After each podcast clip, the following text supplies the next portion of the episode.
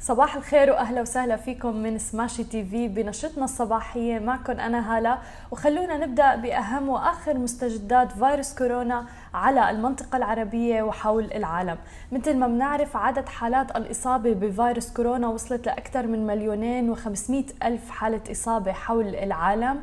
أما عن عدد حالات الوفاة فوصلت لأكثر من 177 ألف حالة وفاة حتى الآن. أما عن عدد حالات الشفاء فهي في تزايد مستمر رح توصل تقريبا ل 700 ألف حالة شفاء حتى هي اللحظة. ولكن آه، أيضا في تطورات عن فيروس كورونا في المنطقة العربية. وتحديدا مع قدوم الشهر الفضيل رمضان السعودية عم بتعدل أوقات التجول خلال شهر رمضان حيث قررت وزارة الداخلية السعودية تعديل الأوقات اللي بيسمح من خلالها التجول لقضاء الاحتياجات الأساسية والضرورية في كافة المدن والمناطق. تحديدا طبعا خلال شهر رمضان المبارك.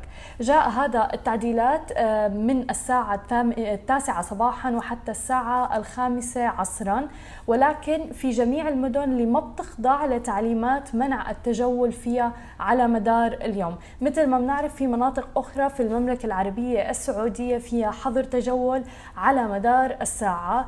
آه، رح يسمح بخروج سكان المدن والمحافظات اللي بيمنع فيها التجول على مدار الساعة من منازلهم لقضاء الحاجات الضرورية آه، مثل الرعاية الصحية الاحتياجات الغذائية والتموينية من الساعة التاسعة صباحا وحتى الخامسة مساء آه، وذلك ولكن فقط داخل نطاق الحي السكني اللي هن عايشين فيه.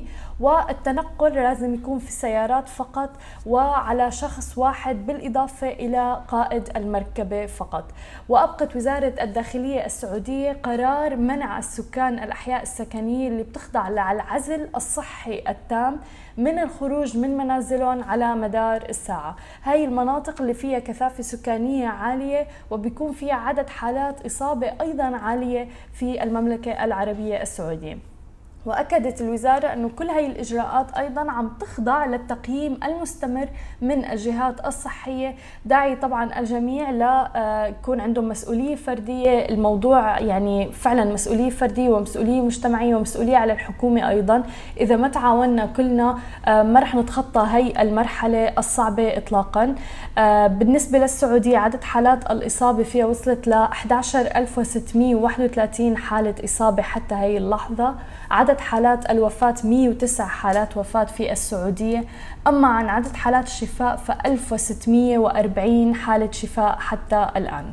أما لننتقل لخبرنا الآخر عن مصر فلمواجهة فيروس كورونا مصر عم بتقر بتعديل قانون الطوارئ. مثل ما بنعرف قانون الطوارئ في الدول آه، بيطلع لما بيكون المنطقة والدولة في آه، حالة خطر آه، سواء كان الأمن أو النظام العام في البلاد تعرض لخطر لذلك بيتم الإعلان عن حالة الطوارئ. الآن في مصر عدد حالات الإصابة في مصر وصلت ل 3490 حالة إصابة حتى هي اللحظة. 264 حالة وفاة. أما عن عدد حالات شفاء فهي 870 حالة شفاء. لذلك قرر تعديل آه، قانون الطوارئ في البلاد بسبب جائحة آه، فيروس كورونا والقانون اللي كان صادر بسنة 1958 تم تعديله بسنة 2020 بسبب جائحة كورونا. آه، رح يكون في نصين جديدين للقانون لتمكين النيابة العسكرية بمعاونة النيابة العامة في التحقيق في الوقائع والجرائم اللي عم بيتم ضبطها بمعرفة القوات المسلحة واللي عم ترتكب آه، وعم بتخالف كل الأوامر اللي عم بتنصها الحكومات في مصر آه، في مصر. على أن يقتصر التصرف النهائي في التحقيقات على النيابة العامة.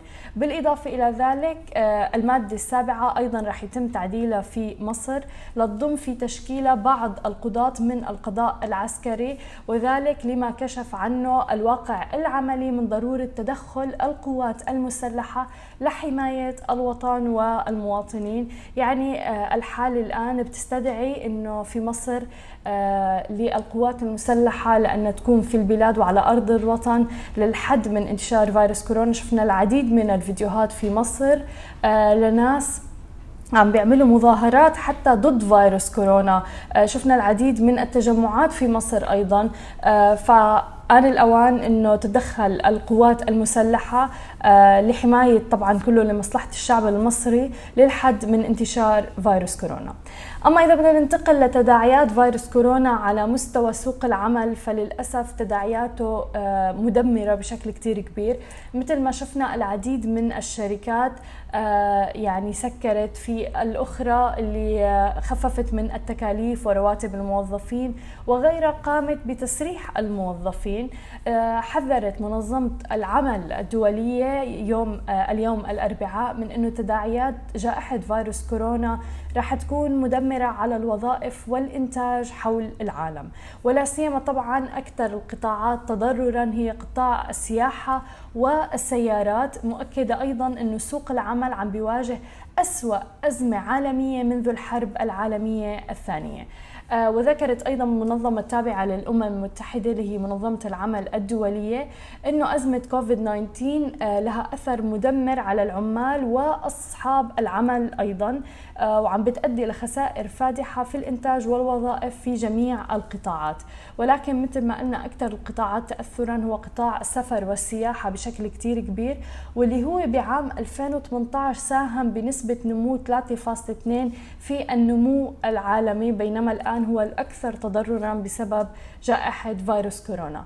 وبالإضافة إلى ذلك هذا القطاع اللي هو قطاع السياحة والسفر وصل عدد العاملين فيه في عام 2018 ل 319 مليون شخص أي 10% من العمالة العالمية اللي يمكن أن ينكمش بنسبة بتتراوح ما بين 45 وحتى 70% بسبب فيروس كورونا.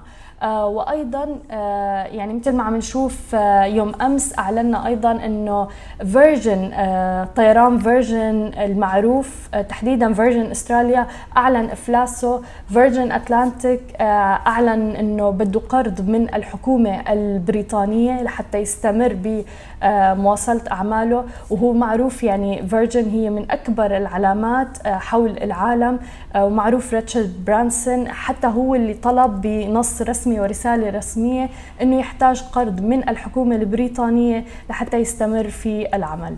آه، بالإضافة إلى ذلك بحسب تقديرات المنظمة العمل الدولية فقطاع السياحة الأوروبي لحاله رح يخسر مليار يورو من الإيرادات الشهرية بسبب جائحة فيروس كورونا. ووفقا لمنظمة العمل الدولية فأيضا صناعة السيارات رح تتأثر بشكل كتير كبير بسبب طبعا أنه العالم عايشين بالحجر المنزلي وما في أي حاجة للسيارات أو الطلب على السيارات رح يكون جدا قليل بالفترة الحالية. وتحديدا أصلا مع تداعيات فيروس كورونا الاقتصادية السلبية فحتى سلوك المستهلك تغير شوي. آه، ما عاد في هي آه، الشراهة على الشراء والقبول على الشراء بالشكل اللي كان قبل آه، صناعة السيارات تعرضت بسبب فيروس كورونا لضربة ثلاثية تمثلت أولا بإغلاق المصانع ثانيا بتعطل سلاسل الإنتاج وثالثا مثل ما قلنا انهيار الطلب. وبالإضافة إلى ذلك الطاقة والتصنيع في أوروبا 1.1 مليون موظف من أصل 2.6 مليون موظف عم بيعملوا مباشرة في هذا القطاع. ما بيعرفوا إمتى رح يرجعوا للعمل لسبب أنه العديد من الصناعات توقفت في الوقت الحالي بسبب تفشي فيروس كورونا حول العالم. هي كانت كل أخبارنا الصباحية لليوم. ما تنسوا تتابعونا على كل مواقع التواصل الاجتماعي الخاصة بسماشي TV. تسمعوا البودكاست تبعنا وتنزلوا ال application. بشوفكم أنا الساعة 2 ونص بأخبار مفصلة أكثر عن ال business والتكنولوجيا. نهاركم سعيد.